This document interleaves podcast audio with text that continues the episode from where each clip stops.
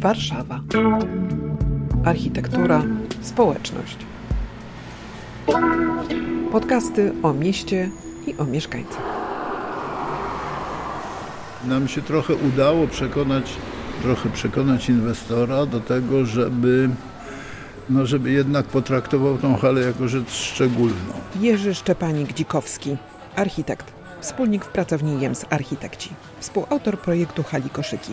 Żeby ona była magnesem dla ludzi, również dla budynków biurowych, które y, otaczają ten kompleks hali, żeby to była wartość, a nie żeby wartością była sama hala i sposób handlowania w niej, sposób sprzedawania tej powierzchni. Hale targowe zawsze mają walor takiego urządzenia społecznego. One po to właśnie powstały. Jerzy S. Majewski, historyk sztuki, warszawianista. One po to powstały, żeby unowocześnić miasto i żeby, żeby to miasto nie było takie dzikie jak to na bazarze, tylko wszystko ma być bardziej ucywilizowane. Im y, bardziej nowoczesne hale, im więcej urządzeń takich nowoczesnych miały, im większe te chłodnie były, im lepsze wyposażenie w taką infrastrukturę, tym to pokazywało, że miasto jest bardziej nowoczesne. Tych super cen nie przejdziesz obojętnie. Drogi kliencie, w tym tygodniu mamy dla Ciebie słodkie i soczyste polskie jabłka w cenie 2,49 za kilogram oraz jaja z chowu na wolnym wybiegu. Tak naprawdę ta hala to jest budynek hali, który można zobaczyć, do którego można wejść, budynek oficyny, budynki bramne, ale to są też te budynki biurowe i cała przestrzeń dwukondygnacyjnego, bardzo głębokiego garażu, który jest pod spodem. Mateusz Świętorzecki, architekt, współautor projektu Hali Koszyki. Tak naprawdę ten cały miks dopiero jest tą inwestycją i to pozwoliło na wyodrębnienie tej hali i zachowanie jej w takiej możliwie czystej formie, która jest naszym zdaniem dosyć możliwie zbliżona do takiego odbierania historycznego, chociaż jest pozbawiona dekoracji. No, architektura, architektura, ona jest ładna z zewnątrz. Justyna Kościńska, Stowarzyszenie Miasto jest Nasze, Wydział Socjologii Uniwersytetu Warszawskiego. Ale powiedzmy, czy faktycznie to służy dobrym celom społecznym, to znaczy dobrze wpisuje się w to, jak miasto dobre powinno funkcjonować? No, nie wiem, tu można zadać pytanie o to. A myślę, że dobra architektura powinna też taką funkcję wypełniać. O co chodzi? Są dwa rodzaje. 98 kosztują. Proszę Pani, na spokojnie, zapraszam, wytłumaczę. To jest awokado hash. No dobrze. A to jest awokado No ja wzięłam te dwa. Ta hala oczywiście funkcjonowała handlowo, trochę zmieniała swoje znaczenie, no i dla nas jako studentów architektury też oznaczała jeszcze, jeszcze innego ducha. Ja sam pamiętam, jak tu na zapleczu hali było składowisko makulatury i sam przechodziłem przez płot i wyciągałem kartony, które były wówczas deficytowe na budowanie makiet. No i w tym 2009 roku, jak ta hala przyszła do Jemsa, też po jakichś już wcześniejszych projektach, perturbacjach i po demontażu, rozbiórce e, z składowaniem wszystkich materiałów w oznaczonym miejscu przez konserwatora, no to, to było takie dosyć niesamowite zadanie, no bo to było zadanie nie zmierzenia się tylko z samą materią, ale też ze swoimi wspomnieniami. I my żeśmy robili ten projekt też międzypokoleniowo, więc to też jeszcze było dodatkowo, dodatkowa taka gra. Przez wiele lat przychodziłem tu pić piwo, jeszcze w czasie studiów na Wydziale Architektury. To było w jakimś sensie fajne miejsce. Natomiast była też emocja związana, z, no trochę związana z rozbiórką tej hali, a przedtem z różnymi projektami, które powstawały w tym miejscu, no, które, co tu dużo mówić, wyglądały groźnie. No i to tak jest dla każdego architekta takie uczucie, że no nareszcie to jest w moich łapach, to może ja to oczywiście super zrobię. Wiadomo było, że rzecz jest pod ochroną konserwatorską i z konserwatorem będzie trzeba różne rzeczy uzgadniać, to oczywiste, ale, ale jakby nie ta wartość tej substancji, ile pewna wartość emocjonalna miejsca była ważna. Z halą był problem oczywiście, bo hala została rozebrana. Została rozebrana, były jakieś absurdalne zupełnie projekty nadbudowy budynku nad tą halą, podklejenia do tego budynku jakichś elementów konstrukcji, ale skończyło się tym, że ta hala, która po wojnie należała do Społem i była taką halą, po prostu zwykłą halą targową, ale nie mającą już chyba tego klimatu takiego przedwojennego, dawnego. I ta hala została po prostu rozebrana. co było jakimś skandalem wtedy. Wpisana została do rejestru w 1965 roku, czyli to dość dawno. Michał Krasucki, historyk sztuki, stołeczny konserwator zabytków. A rozbiórka była no, trochę takim sposobem na uratowanie hali. Mówię to przewrotnie, bo trudno mi się zgodzić w tej chwili z aż tak daleko idącą ingerencją. Gdybyśmy pewnie dzisiaj mieli podobny temat do rozpatrzenia, to byśmy zdecydowali się na to, żeby ją fragmentarycznie, krok po kroku po prostu wymieniać, ewentualnie remontować, tam gdzie to byłoby możliwe. Natomiast wówczas na wiele lat po prostu halę rozebrano pod pretekstem oczywiście prowadzenia konserwacji tych elementów. One zostały zdemontowane, wywiezione, poddawane konserwacji, no ale przez lata tam był dół, ziejący, ziejąca dziura. I raczej no jest to wtedy sytuacja, która siłą rzeczy można się domyśleć, że będzie powodowała zaprojektowanie budynku w dużym stopniu od nowa, bo się wtedy robi całkowicie nowe fundamenty. Wiadomo, że wtedy projektant i inwestor od razu robi kondygnacje podziemne, czyli tak naprawdę wstawiamy nowy budynek, wstawiając do niego te historyczne elementy cała rozbiórka tej hali, czy demontaż tej hali, decyzja o tym, protesty. Nawet koledzy z naszego biura brali udział w tych protestach, także my to znamy jakby nie tylko z gazet. No i teraz to jest taka trudna sytuacja, w której architekt czasem się znajduje, czy uczestniczyć w takim kontrowersyjnym temacie, no bo przecież my nie mamy żadnej gwarancji na to, jak to zostanie zrealizowane, albo jak te rzeczy się potoczą. To był bardzo dynamiczny proces, to się mogło skończyć bardzo różnie. Natomiast no, czuliśmy się pewną odpowiedzialność taką zawodową też do tego, żeby stanąć do takiego wyzwania. Pomysł, żeby to przywrócić miastu w jakiś sposób, to myśmy się z tym identyfikowali bardzo i powiedziałbym w miarę postępu robót czy prac nad tym, a równocześnie klarowania się pewnej użytkowej formuły tego miejsca coraz bardziej. Bo na początku rzecz była no, że tak powiem, trudna z naszego punktu widzenia do zaakceptowania. Mianowicie rodziła się tutaj próba wybudowania centrum handlowego. No, załóżmy, że nie był to typowy shopping mall, ale jednak miały to być sklepy odzieżowe z butami, z gospodarstwem domowym, z czymś i z food courtem. Druga wartość hali to wartość e, niematerialna. Handel tam się odbywał jeszcze zanim powstał budynek. No i ten handel na początku właśnie trochę taki bazarowy, trochę taka, takie zaplecze spożywcze, produktowe dla Śródmieścia Południowego, główne. Nie było wówczas mniejszych sklepów typu dzisiejsze Carrefoury, nie wiem, czy Żabki utrzymywał się do późnych lat 90., czy nawet 2000. Oczywiście ten handel się zmieniał, trochę się zmieniał przekrój użytkowników, klientów. Im dalej w las, tym coraz więcej tam było osób starszych, które po prostu też trochę z przyzwyczajenia do hali chodziły, a, a młodsze rodziny jeździły do centrów handlowych czy do supermarketów. Natomiast rzeczywiście taki lokalny handel obsługiwała bardzo długo. Tam w pewnym momencie doszła też sprzedaż książek używanych, co było trochę takim znakiem rozpoznawczym koszyków. No tak, ja mieszkałam na Placu Konstytucji i halę na koszykach poznałam w wieku pięciu lat. Magda Bukszewden, mieszkanka Śródmieścia. I hala na koszykach wtedy była halą targową, czyli były stoiska z mięsem, z jarzynami, z warzywami, był wielki taki sklep z naczyniami, żelazny, z plastikami. To było zawsze wielkie przeżycie pójście do hali, no bo jak wiadomo, no były te stragany, poza tym był duży sklep taki no, samoobsługowy już wtedy. Potem powstawały takie, jakby powiedzieć, no, nowocześniejsze rzeczy. Była y, pijalnia soków, parę barów y, szybkiej obsługi czy mlecznych. Potem zaczęły się pojawiać jakieś takie małe stragany, a to z biżuterią, a to z ubraniami. Poza tym były usługi w tej hali, czyli można było znaleźć szewca, krawcową. No i to było miejsce, które służyło do zakupów dla okolicznych mieszkańców śródmieścia. Przede wszystkim hale to były takie brzuchy miasta. Hale były czymś, co było bardzo charakterystyczne dla nowoczesnego miasta przełomu XIX i XX wieku. Pamiętajmy, że wcześniej targowiska to były po prostu place, one były dosyć niechlujne najczęściej.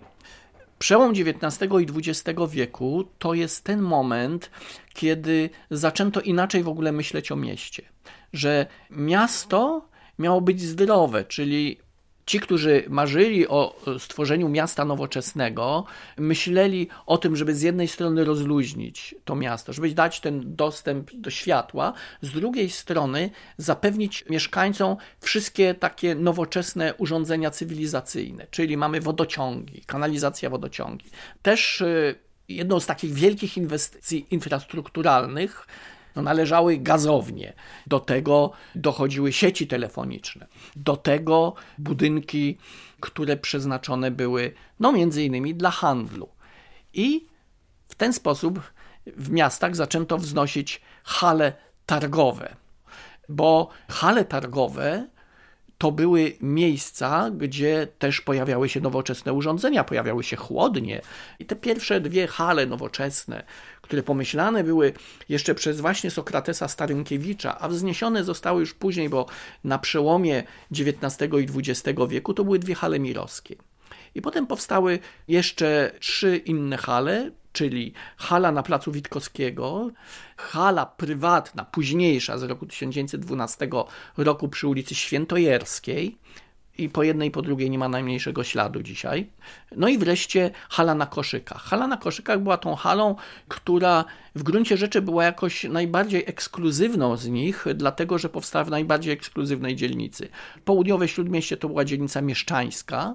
Wprawdzie bardzo krytykowano tą zabudowę, uważano, że to jest taka zabudowa koszarowa tych kamieni. Dzisiaj zupełnie byśmy na to inaczej patrzyli, ale tam też powstawały te najnowsze budynki, czyli rejony lwowskiej, polnej, czyli wyrastały takie niebotyki, bardzo, bardzo nowoczesne, drogie, też e, wyposażone w te najnowsze urządzenia cywilizacyjne. No i w tym czasie powstaje też y, hala na koszykach. Chodziłam z ulicy Chorzej właśnie na ulicę Koszykową, gdzie był bazar i targowisko. Irena Mroziuk, mieszkanka Warszawy. Zapis wspomnienia z Archiwum Historii Mówionej. Ja tam chodziłam z naszą służącą po zakupy. Żydzi sprzedawali tam śledzie w beczkach. Nawoływali do śledzi, do ulików. No to pamiętam bardzo dobrze. I mieli przed sobą wzdłuż ulicy beczki owinięte papierem takim pakowym. Przy takiej beczce stał Żyd, na przykład z małym swoim dzieckiem i to na mnie zwracało uwagę, dlatego że oni byli zupełnie inni niż, niż ja na przykład. Bo dziecko było ubrane w taki mały hałacik, jak dorosły Żyd, Żydzi byli ubrani na czarno i mieli mnóstwo guziczków od, od samej szyi do końca tej, tego okrycia. I ja e, właśnie zawsze patrzyłam na nich, że oni mają takie ładne te guziczki. To, to jest moje zainteresowanie kimś innym, prawda, niż, niż my wyglądamy. Nasza służąca kupowała chętnie śledzi, śledzi się dużo jadło. Dlatego ja tak dobrze pamiętam, że jak wyjmowali z beczki śledzie, to zawsze były jeszcze odlewane ten sos. A później pakowane były w gazety i szły do koszyka naszej służącej. Hala była bardzo nowoczesna, zbudowana na początku XX wieku według projektu Juliusza Dzierżanowskiego zakładała świetną komunikację od dostaw, od tyłu, przez potem chłodnie, sprzedaż, aż e, obsługę klientów. I ten model funkcjonowania komunikacyjny, trochę logistyczny hali też był wartością. A z racji tego, że był to obiekt stosunkowo niewielki, no to dużą uwagę też zwrócono na jego wystrój, który nie był takim powtarzalnym wystrojem, jak na przykład e, właśnie w halach mirowskich, gdzie z tej ceglanej elewacji takie stworzono moduły, które się powtarzają i trochę taka architektura inżynieryjna, przemysłowa. Ale tutaj rzeczywiście do tego zatrudniono artystów, rzeźbiarzy, do tego, żeby i architekta świetnego, do tego, żeby wypracowano całkowicie indywidualny wystrój dla tych części murowanych hali, czyli zarówno tego skrzydła centralnego, tam było takie dość ciekawe wejście w takim wycięciu nerkowym, ale też te dwa pawilony boczne z fantastycznym wystrojem secesyjnym, rzeźbiarskim, no też w środku z ceramiką, z płytkami. To wszystko się zachowało. I to jest ta wartość hali, która jest tą wartością artystyczną, zabytkową, czyli jak najbardziej materialną. Ta hala trochę się zmieniała w czasie. Też były jakieś perturbacje architektoniczne. Stal wiemy, że była z odzysku z twierdzy Modlin, czyli była nie dedykowana, tylko jakoś e, pozyskiwana jakimiś sposobami. Też wiadomo, że projekt Juliusza Dzierżanowskiego oryginalny był cały secesyjny, główna nawa też była secesyjna i została inaczej zrealizowana, więc już na etapie projekt, realizacja ponad 100 lat temu, to już ewoluowało. Najpierw przebudowano ją w latach 20., tą główną część centralną, potem w czasie powstania warszawskiego hala została spalona, na czym bardzo ucierpiała konstrukcja. Musimy wiedzieć, że konstrukcja stalowa, która nawet tak mocna jak w tej hali, która jest bardzo długo poddawana działaniom wysokich temperatur w czasie pożaru, po prostu pęka. Znaczy ona traci swoją statykę. I belki stalowe, te wszystkie dźwigary się odkształciły. Podczas wojny oczywiście było tutaj jeszcze powstanie. W tej chwili w budowanych dźwigarach oryginalnych widać nawet przestrzeliny z okresu wojny. Hala była zbombardowana w części. Naprzeciwko była taka stara, cukiernicza i bardzo elegancka firma, Gajewski się nazywała. Hanna Cieplińska, mieszkanka Warszawy. Zapis wspomnienia z archiwum historii mówionej. Gajewski wypiekał całą oblężenie Warszawy. Punktualnie o godzinie 12 zajeżdżał wóz konny, taki, taki towarowy wóz konny i wynoszono stamtąd różne wypieki, babki, serniki, makowce i inne. No, oczywiście stała już kolejka i czekała na to, bo to był jedyny sklep w okolicy, który coś sprzedawał do jedzenia. No i kiedyś właśnie spadła bomba. Punktualnie o 12 był nalot. Ci ludzie stali. W bramie stał wóz y, konny i żołnierz. Nie wiem, co tam było na tym wozie. I nagle spadła bomba przed sklep ojca. No, y, wszyscy w tej kolejce zginęli. Dla mnie to było straszne przeżycie, bo pierwszy raz zobaczyłam w swoim życiu trupy. Później po wojnie halę naprawiono bardzo prowizorycznie, tylko zadaszając. Już nie kłopotano się, żeby przeprowadzić jakiś tam poważny, kompleksowy remont. I niestety to było ze szkodą dla tych elementów, bo przez wiele lat utrzymywały się trochę na zasadzie na słowo honoru. Wojna skończyła się w maju i tu zaraz po wojnie nie wiem skąd się tyle nabrało towarów. Genowefa Jasny, mieszkanka Warszawy. Zapis wspomnienia z archiwum historii mówionej. Ludzie przywozili całe stosy mięsa. Słonina to taka gruba słonina, całe stosy. Mięso, odzież, gotowe. Wieszaki takie, porozstawiane, bo to przywozili spoza Warszawy. Na wieszakach sukienki. Skądś to przywozili, bo na samych koszykach to był targ, tam gdzie teraz jest ten nowy to wszystko wybudowane. To tam były różne budki takie szkleczone i tam starzyzne, jakieś pierzyny, poduszki, takie jakieś zwikliny, kosze, tam jakieś foteliki dla dzieci, jakieś skórki na przykład na kołnierze. To tam było. Ryby, tytoń. Wszystko tam można było kupić. Też y, hala po wojnie została troszeczkę przebudowana od frontu, tam dostawiono takie parterowe pawilony. Ona trochę obrosła takimi, takimi budami, takimi pawilonami. Ale no, ta, ta główna budowla z, ze wszystkimi elementami historycznymi była, była zachowana do momentu jej rozbiórki. W dokumentach formalnych było zapisane, że ochronie podlega konstrukcja, która wtedy, kiedy zabraliśmy się do tego projektu, to ona tam gdzieś pogięta i zardzewiała, leżała na jakimś placu. Mając jakby tą świadomość, po pierwsze poszliśmy do konserwatora zabytków z pytaniem, co właściwie my mamy odtwarzać. Uznano, że zabytkiem jest, że zabytkiem są te budynki murowane, części murowane hali, plus tam budynek jeszcze z tyłu, no i te elementy konstrukcyjne, stalowe, niekoniecznie ze względu na swoją funkcję. Oczywiście jest to pewna interpretacja. Można by założyć równie dobrze, że zabytkiem było wszystko, czyli cały ustrój konstrukcyjny hali razem z jej układem i funkcją. Czy jakby tak kompleksowo, holistycznie do tego podejść, pewnie wtedy trzeba by było założyć mniejszą ingerencję niż ta, która, która jest w tej chwili. Może tylko dla usprawiedliwienia dodam, że to nie była decyzja wyłącznie konserwatora, tylko w ogóle całego gremium tutaj doradczego, które się z konserwatorem nad tym pochylało i to, były, to było wielokrotnie dyskutowane przez przedstawicieli Społecznej Rady do Spraw Dziedzictwa, którzy po to byli, żeby, żeby właśnie w takich trudnych, wątpliwych przypadkach jako taki trochę demokratyczny, ale ekspercki głos rozsądku doradzać konserwatorowi i prezydentowi, w imieniu którego działał konserwator. Ta hala już nie jest oczywiście tym, czym była. Nie jest tym, czym była przed I wojną światową w sensie takim społeczno-funkcjonalnym. Jest czymś zupełnie innym, ale też nie jest y, w sensie konstrukcyjno-architektonicznym tym, czym była. Dlatego, że istotą hali było to, że ten metal, cała ta konstrukcja była konstrukcją. Dzisiaj ona nie jest konstrukcją, dzisiaj jest ona dekoracją, ale tego nie widać oczywiście. Jak się wchodzi, to się wydaje, że ta hala nadal jest y, konstrukcją, która coś trzyma. No i wygląda to, wygląda to znakomicie, bo też y, Jemsi, Jemsi chyba wybrali najlepszą drogę, jaką można było wybrać ten proces, o którym też mówiłem, że hala ewoluowała od samego projektu, jeszcze zanim została zbudowana, to już się wszystko zmieniało, więc my też nie mieliśmy takiego momentu, w którym jest zamek, pałac, prawda, on jest wtedy zbudowany, ma swoją świetność, a potem ma naleciałości. No i teraz czy je zostawiać, czy nie.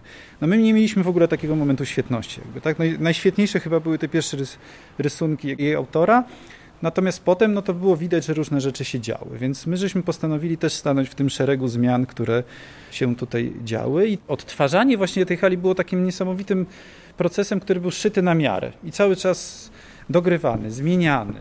Też stawiając się w roli projektantów, ale też w pewnym momencie konserwatora, który no, staje w obliczu decyzji wcześniejszych i zostaje dziurę w ziemi, plus stertę zrzuconego w hali gdzieś tam pod dachem żelastwa, czyli tych stalowych dźwigarów, które trzeba poddać konserwacji i potem oni po prostu muszą to na nowo wszystko poskładać w sposób, który no, siłą rzeczy już musi być y, pewną nową, nowym rozwiązaniem, to uważam, że i tak bardzo dużo wysiłku zostało włożone w to, żeby to dobrze wyglądało, bo hala dobrze wygląda.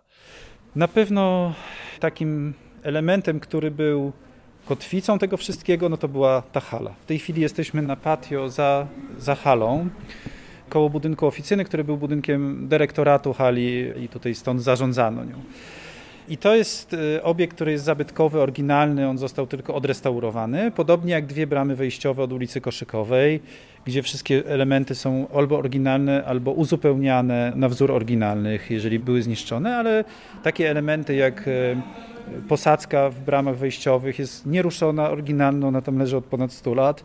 Tak samo elementy fasady, też ceramiczne elementy, czy nawet okno termalne, które to półokrągłe okno, które jest na górze, to jest oryginał, który jest na miejscu od ponad 100 lat. On jest nieruszony. Także to są takie perełki tego miejsca, które jakoś o dziwo zostały zachowane w takim stanie, że mogły zostać. My żeśmy przyjęli taką strategię konserwatorską kontynuacji, Wprowadziliśmy niewielkie ingerencje w ten w sam korpus, użytkowe. To są otwarcia na parterach na przykład, to są troszkę większe przeszklenia na parterach, umożliwiające lepsze funkcjonowanie tej hali. No i dokleiliśmy też to, czego nigdy na tym obszarze nie było, to znaczy budynki biurowe, które są po obu stronach od strony koszykowej i w głębi za halą od strony ulicy Noakowskiego. Ta hala otoczona też jest nowymi kubaturami ponieważ dookoła powstały biurowce, trzy biurowce. I to już jest zupełnie inna architektura, ale jest to architektura znowu tła, jest to architektura bardzo neutralna, bardzo prosta w swojej formie i bardzo jemsowska poprzez swoją architektoniczną strukturalność. Tutaj widać, że ściana jest ścianą, że ta ściana dźwiga i ma ten jednostajny rytm, czyli prostota logika i bardzo dobre wpisanie w tą zabytkową przestrzeń poprzez to, że te nowe budynki tworzą tło, jakby porządkując plany, które z tyłu były bardzo nieuporządkowane, bo tam zawsze widać było te brzydkie, zazwyczaj nietynkowane ściany szczytowe kamienic, tyły ścian szczytowych kamienic. Te biurowce, które obrosły hale koszyki. Anna Pruszyńska mieszkanka Śródmieścia, architektka. Widać po prostu, że są to e, współczesne budynki, natomiast mimo tej współczesności też wydaje mi się, że, że tam pasują. Zresztą architektura Jemsów słynie z tego, że jest taka nieinwazyjna i elegancka i wydaje mi się, że to też jest przykład właśnie takiego budynku. Natomiast to, co mi się mniej podoba, to jest właśnie to, że ona straciła właśnie, ona, że ona już nie jest nasza, ona już nie jest y, nasza sąsiedzka, prawda? Ona jest tym modnym miejscem z dość drogimi restauracjami, sklepami. 38 zł i 18 groszy. Dobra, i jeszcze zacyki chciałam. A cycyki wołowe, jedna łyżka, dwie. No może dwie Mogę powiedzieć tak, pierwsze rysunki, które ja robiłem, szkice takie, no wszyscy robiliśmy, ale akurat mi się przypomniało to, że rysowałem tą halę jako miejsce targowe. Że tutaj powinno się sprzedawać warzywa. I myśmy mówili wtedy do naszego klienta, masz trzy biurowe budynki dookoła, niech te budynki będą źródłem dochodu, a to niech będzie po prostu halą targową taką, jaką ona była. No, ta formuła się nie przebiła, nie mogła się przebić. My się ciągle musimy liczyć w naszym zawodzie z tym, że niektóre rzeczy, które mówimy, są nie do zaakceptowania dla naszego klienta. A inwestor też ewoluował w trakcie tej budowy. My też żeśmy się zmieniali. Potrafił przyjeżdżać z zagranicy i mówił, podróże kształcą. No i wtedy my wiedzieliśmy, że to oznacza zmiany funkcjonalne albo jakieś inne i po prostu kolejne przeobrażenia tego projektu. To dla takiego zobrazowania to się działo już podczas budowy. Były wylane już stropy parteru, no i wtedy nagle dochodziła decyzja o dodaniu sześciu lokali gastronomicznych i kompletnej zmianie wszystkich instalacji. Mięsny. Można usiąść gdzieś sobie? Można ją wiesz, od soboty? Biegunowrót. Ale można. Znaczy od soboty. Od soboty. Hala Koszyki było to miejsce, które tętniło życiem i było skierowane przede wszystkim do mieszkańców. Justyna Kościńska, Stowarzyszenie Miasto jest Nasze, Wydział Socjologii Uniwersytetu Warszawskiego. Mieszkańców okolic, którzy tutaj przychodzili, robili zakupy, wypełniali swoje potrzeby, prawdopodobnie też spędzali czas. Mieszkam od zawsze w Śródmieściu. Do niedawna mieszkałam w bezpośredniej okolicy y, hali Koszyki. Pamiętam, że właśnie to było takie miejsce, gdzie można było kupić chyba w miarę wszystko. Była bardzo ważna, bo to jeszcze wtedy były sklepy spożywcze w Śródmieściu, ale hala była uważana, że w jednym miejscu można załatwić wszystko i hala nie była taka droga. To był typowy handel targowiska. Oczywiście tutaj były różne, nawet w trakcie już budowy i projektowania, różne momenty, w których organizacje miejskie kiedyś na którymś budynku bramnym powiesiły taki bardzo ładnie sprefarowany plakat, jak tablicę taką informacyjną, którą inwestor w ogóle myślał, że to jego służby powiesiły, w której było napisane, że właśnie zakończono pierwszy etap gentryfikacji miasta, bardzo ładnymi zgłoskami i tak jakby historycznymi. To gdzieś nawet było u inwestora, niestety nie, nie zachowane jest. I to jest na pewno ważny temat. Natomiast to jest pytanie, no, gdzie się w tym można odnaleźć i co powoduje, że taka sytuacja ma miejsce. Gentryfikacja to jest proces, w którym boższa ludność, poprzednia ludność jest zastępowana przez mieszkańców bogatszych, w efekcie czego ci poprzedni mieszkańcy są wypychani. Najczęściej odnosi się to do centrów miast, stąd też hala koszyki była takim przykładem, który można było łatwo odnieść do gentryfikacji, ale tutaj mówimy nie tylko o takiej prostej zamianie struktury społecznej, ale też o zmianie na przykład funkcji, właśnie pojawianiu się takich restauracji, które niekoniecznie odpowiadają gustom poprzednich mieszkańców, czy różnych instytucji, które właśnie już e, niekoniecznie odpowiadają temu, co było wcześniej. My jako architekci no nie mamy wpływu na układ własnościowy, nie mamy wpływu na układ cenowy czy na sposób funkcjonowania. My możemy w naszej działce dołożyć wszelkich starań, żeby to było możliwie dostępne, żeby to było możliwie otwarte i to uważam, że w tej hali się udało. Z zaplecza hali widać ulicę Koszykową. Jest mnóstwo wejść, których nie było wcześniej. Ona jest możliwie transparentna, nie jest ogrodzona, nie jest płatna, no nie wiem, to wszystko staraliśmy się możliwie otworzyć, żeby to było po prostu dla wszystkich. Natomiast no, wydaje się, że takim momentem przełomowym, on nastąpił dużo, dużo wcześniej, to była decyzja miasta o sprzedaniu tej hali. W momencie, kiedy sprzedaje się w ręce prywatne, no trudno spodziewać się, że ktoś po prostu wyremontuje to, włoży ogromny kapitał, po czym no nie będzie czerpał z tego żadnych zysków, no bo będzie chciał, żeby to było, żeby ceny były niskie, żeby to był bazar. To jest ten problem. Ta aktualna funkcja hali no w jakimś stopniu się do handlu odwołuje, trochę do handlu spożywczego, ale przede wszystkim jest to funkcja restauracyjna, to jest funkcja knajpiana. Ja nie mówię, że to źle. Takie hale funkcjonują, ale to jest całkowicie inna rola hali. I tutaj ta funkcja też została bardzo mocno zmieniona. Być może jest bardziej adekwatna do tego, jak dzisiaj się ten handel odbywa w jakimś szerszym ujęciu społecznym. Natomiast no, na pewno ten jeden z dwóch podstawowych elementów jakby tych części składowych dziedzictwa uległ bardzo poważnemu przeobrażeniu. Zresztą tak samo jak ten element materialny też. Coraz częściej się tak dzieje w Śródmieściu, że ono pięknieje. Na pewno hala koszyki, no teraz jest przecież piękna, odnowiona, błyszcząca. Natomiast czy, czy właśnie ona służy wszystkim mieszkańcom? Chyba nie. Pani sobie skomponuje tutaj pastę no. i zamówi jeden napój, to sobie druga taka sama pasta będzie grać. Aha. Biorę takie na, na tą pogodę idealne. Dobra, to wezmę. Tak? Skoro rekomendujesz. Na te koszyki no to nie ma żadnego powodu, żeby przychodzić, bo jak mówię, że albo są ekskluzywne restauracje, albo sklepy, na, na przykład no sklep z czekoladą. Czekolada bardzo droga, sklep spożywczy też jest raczej, owszem, wypasiony, jest dużo jakichś tam ekstrawaganckich jedzeń, no ale jest to drogie. To nie jest taki sklep na codzienne zakupy. Ta hala to jest proces i my żeśmy mówili, że my jesteśmy kawałkiem tego procesu. I tak chyba sobie teraz, po czterech latach, mogę powiedzieć, że chyba tak jest cały czas, chociaż tego czasu jeszcze za mało minęło. Tak sobie myśleliśmy, że to jest taki moment, który my tworzymy jako ramę architektoniczną do tego, jak to miejsce sobie przez te następne lata, może 100 lat, może dłużej, będzie sobie żyło, zmieniało się, ewoluowało. I też trzymamy się tego, to znaczy od momentu otwarcia tej hali my nie ingerujemy już w jej życie. Jak ktoś dowiesza coś, jak ktoś coś zmienia, to my po prostu tylko patrzymy, jak to żyje. I to jest najważniejsze, że wydaje nam się, że to, co tak byśmy mogli powiedzieć, że to jest odbieramy też jako jeden z elementów tego dużego dla nas sukcesu i satysfakcji, to jest to, że tu wróciło życie. Warszawa. Architektura, społeczność. Podcasty o mieście i o mieszkańcach.